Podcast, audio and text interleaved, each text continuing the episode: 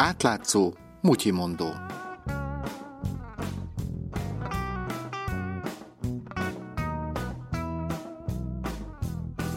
Üdvözlöm Önöket, Somodi Dánielt hallják. Egy állami cég részvényeket adott el magánbefektetőknek. Miért is érdekelne minket ez a szokványosnak tűnő ügylet? Gergely Zsófia, a hvg.hu újságírója. Nem akármilyen részvényekről van szó. Állami tulajdonú, tehát a közvagyar részét képező részvényekről beszélünk, másrészt pedig olyan részvényekről, amik a magányugdíj vagyonnak az elvételével kerültek állami tulajdonba. Tehát talán ezért már eleve egy sokkal érzékenyebb kérdés.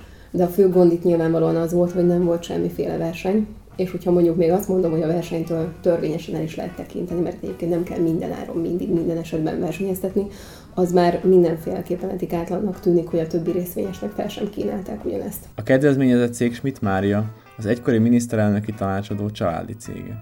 Most ő a Terrorháza Múzeum igazgatója, és hamarosan kormánybiztos is lesz. Ez az, amit tudunk, de amúgy rengeteg a kérdőjel az ügy körül. Nem tudjuk, hogy ezért nem adott volna más jóval többet. A Nemzeti Eszközgazdálkodási ZRT állítja, hogy ez egy nagyon jó piaci ár, mert ez nem volt egy annyira pörgős, egy annyira keresett részvény, csak hogyha én nem kérdezek meg másokat, például mondjuk a többi nagy részvényest, akiket valószínűleg szintúgy érdekelt volna a papír, akkor én már innentől kezdve egyáltalán nem lehetek abban biztos, hogy más ugyanezért nem adott volna többet. Az ingatlan fejlesztéssel és hasznosítással foglalkozó cégnek három nagy részvényese van, ezek egyike Schmidt Mária a családi cégén keresztül.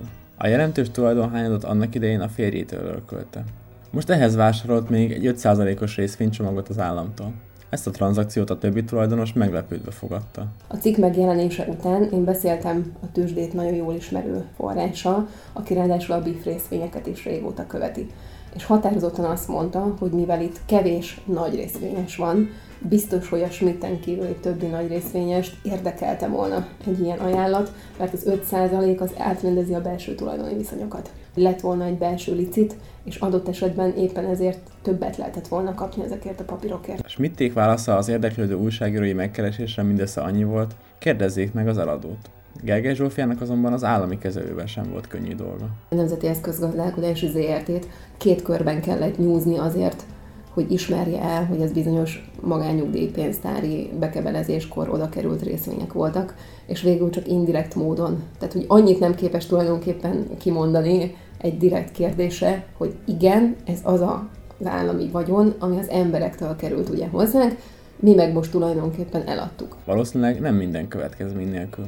Egyrészt itt van az ellenzéki pártok feljelentést tettek az ügyészségen hűtlen kezelés gyanújával másrészt akár az Unió is vizsgálódhat tiltott állami támogatásra hivatkozva. Tehát egy belső tulajdonosi átrendeződés zajlott, és hát ez az érdekes ebben, hogy mindezt az államnak köszönhetően. Tehát tulajdonképpen az állam így rábökött az egyik tulajdonosra, és azt mondta, hogy neked most ez az előny jár. Gergely Zsófiát, a hvg.hu újságíróját hallották.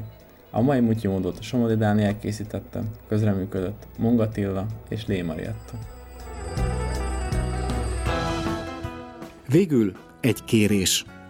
Az átlátszó csak akkor marad meg, ha legalább négyezer ember rendszeresen hozzájárul a működéséhez. Ha tehát tetszett ez a rádióriport, vagy tetszik az átlátszó, arra kérünk, támogasd a munkánkat, akár havi ezer forinttal is. Paypalen, bankátutalással vagy sárga csekken keresztül.